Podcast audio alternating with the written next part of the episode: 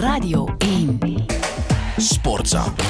Alweer een uh, goed gevuld voetbalweekend achter ons kunnen laten. Een weekend waarin alweer Union als winnaar is uitgekomen. Staat nu zes punten los aan kop van het klassement. Goedemorgen, Peter van den Bemt. Goedemorgen. Zes punten voor op Anderlecht is dat dan. Hè? Twee keer de klassieker tussen Anderlecht en Standaard op vier dagen tijd. Maar gisteren geen overwinning voor Anderlecht. 2-2 en een eerlijke coach, Brian Riemer. A bad game, zei hij. Ik zou zeggen, hij was uh, misschien zelfs iets strenger dan nodig deze keer. Maar Anderlecht was inderdaad niet goed. Niet goed genoeg. Uh, niet voor het eerst heeft Anderlecht problemen in een topwedstrijd als de tegenstander stevig terugzet. Dat was in Gent bijvoorbeeld ook al zo. En hij, Riemer legde correct de vinger op de wonden. Te veel afval in het spel, te traag. Uh, te veel ruimte weggegeven, niet scherp genoeg verdedigd. De ploeg te ver uit elkaar, te weinig intensiteit enzovoort. enzovoort. En naar oorzaken zoeken, ja, dat is natuurlijk net iets moeilijker. Hè. zeker het slechte veld zal zijn rol spelen. Dat is toch dramatisch stilaan. Maar goed, eh, de verdiensten van de tegenstander, niet onderschatten. Tweede wedstrijd misschien in een paar dagen tijd, wat ze niet zo gewend zijn dit seizoen bij Anderlecht. Hazard, die toch belangrijk was in dat soepel draaiende geheel van Anderlecht, er niet bij. En ja, die Verscharen, die hem uh, verving, deed dat echt goed in het begin. Maar goed, zakte snel weg. Niet onlogisch, hè. acht maanden niet gespeeld en dan twee wedstrijden op korte tijd. Uh, het was wachten op de inbreng van Amuzu en Leoni om er weer wat leven in te krijgen. En oké, okay, uh, de balans van Paarswit is natuurlijk uh, dit seizoen nog altijd heel erg goed. Hè. Ze hebben nu 17 of 15 uh, punten liever meer dan vorig jaar na 17 speeldagen. Dat is toch heel wat. Maar er is natuurlijk wel die vervelende vaststelling dat de resultaten in de topwedstrijden tegen de topploegen, de G5 of G6, noem het zoals je wil, toch onvoldoende zijn. En dus zullen die komende duels nu nog voor de winterstop tegen Antwerpen Racing Genk toch gaan bepalen of Paarswit echt helemaal tevreden kan zijn met het eerste deel van het seizoen, denk ik. Op dit moment nog niet. Ben daar ook niet. Hè. Ze waren niet tevreden met die 2-2. Hoefkes die, uh, sprak wel van de beste uitwedstrijd van Standaard. Maar, ik denk zelfs met voorsprong, eerlijk gezegd. Het was duidelijk dat Standaard ondanks de uitschakeling donderdag vertrouwen had geput uit uh, wat ik daar ook al een sterke eerste helft vooral vond van uh, Standaard. het verschil met die paar hopeloze uitwedstrijden op, op Antwerpen bijvoorbeeld, Gent, iets mindere mate, Club Brugge, ja, dat was heel erg groot. Standaard voetbalde, wat de coach terecht aangaf, met lef en durf en positieve uh, agressiviteit. Uh, Anderlecht werd ontregeld en Standaard reageerde ook sterk hè, mentaal na die uh, tegengoal die toch een beetje uit de lucht kwam vallen.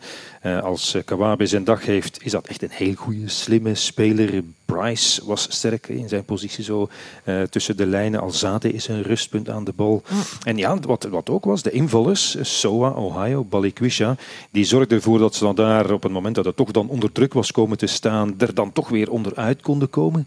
En uiteindelijk uh, had Standaard uh, nog wel een heel sterke doelman Bodaar nodig om dat punt te pakken. Zeer zeker wel, maar over de hele match had het Roesje dan ook wel genoeg doelgevaar gecreëerd om misschien zelf wel te winnen wat ze zelf aangaven. Dus dan heet het een logisch gelijkspel aan het einde. Helaas. Uh, uh, ook opnieuw heel triest om vast te stellen, moet ik zeggen. Er waren nu geen fans van uh, Standaard. Maar de regen aan projectielen, met bekers bier, plastic flesjes, een aansteker, papierproppen waarin een doelman als Bodaar die hele tweede helft moet staan op Anderlecht, dat is laakbaar. Het is veel minder spectaculair natuurlijk dan de chaos van afgelopen donderdag in Anderlecht. Maar daarom niet minder onbegrijpelijk. Dat er nog altijd supporters zijn die naar een voetbalwedstrijd komen en dat normaal vinden, wel, dat, daar zal ik tot op mijn laatste dag met mijn verstand toch niet bij kunnen. Plus één, denk ik dan. Ik wil tot slot nog even hebben ook over het gelijkspel dan tussen Mechelen en Club Brugge. Want eigenlijk kunnen we misschien wel zeggen dat die opmars van Club Brugge dat die daardoor half gestuit ja. is. Al moeten we dan de Varter misschien ook even bijhalen, die daarvoor ja, wat tussen zat. Helaas wel. Nu hadden ze bij Club Brugge ook wel oog eh, voor de eigen prestatie, die onvoldoende was. Redelijk slappe kost eigenlijk van Club Brugge toch eh, tot het slotkwartier dan, voor alle duidelijkheid. Uh, misschien ook niet toevallig dat dat dan een stuk beter was na de inbreng van uh, de twee spelers van wie we toch denken dat ze later absolute topbedragen zullen opbrengen, namelijk Noosa en Skof Olsen. Die zitten uh -huh. allebei op de bank en vooral van, van die laatste is dat toch bepaald opvallend, om niet te zeggen vreemd. En met 16 doelpunten en 4 assists, eh, dat kan toch niet blijven duren, denk ik zo. Maar goed, Club Brugge scoorde dan wel degelijk. Hè. Het doelpunt dat drie punten had kunnen opleveren. Maar zoals we intussen weten, heeft de VAR de verkeerde beslissing van de lijnrechter niet gecorrigeerd.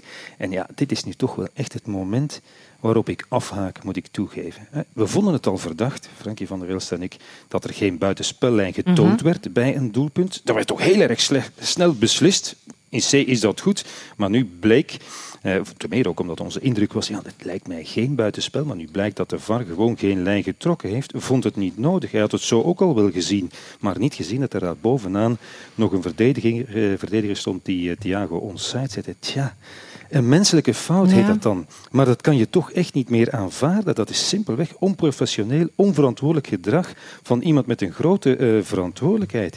Ja, een gebrek aan focus. Ik weet het niet. Misschien te veel stress om snel te moeten handelen. Geen idee, maar geen enkele verklaring houdt steek. Mm. Tenzij er iemand in Tubeke flauw gevallen is of, of de varboet in brand stond, maar daar heb ik toch niks over gehoord. en het is, echt geen troost. Ja, het is echt geen troost dat zoiets ook al in het buitenland gebeurt. Ik herinner mij een wedstrijd van Juventus waar de VAR ook al eens een verdediger die wat hoger aan de zijkant stond uit het oog was verloren, onterecht een doelpunt afkeurde in de Premier League. Maanden aan een stuk wordt er al geroepen om die VAR toch weer af te schaffen. Onder meer nadat de VAR in een wedstrijd van Liverpool tegen Tottenham uh, gezegd had, de scheidsrechter, ja, juiste beslissing, terwijl hij dacht dat het goed, doelpunt was goedgekeurd, maar het was wel afgekeurd. Ja, sorry, maar dan zit je gewoon te slapen. En het erge vind ik uh, dat al het werk eh, van de mensen die hun uiterste best doen, ook daar in Tubeek elke dag weer, om die VAR te laten functioneren, op deze manier teniet wordt gedaan. Dat is pas pijnlijk. We gaan uh, straks toch meer uitleg krijgen over wat daar dan uh, misschien toch gebeurd is. Dankjewel, Peter van den Bemt.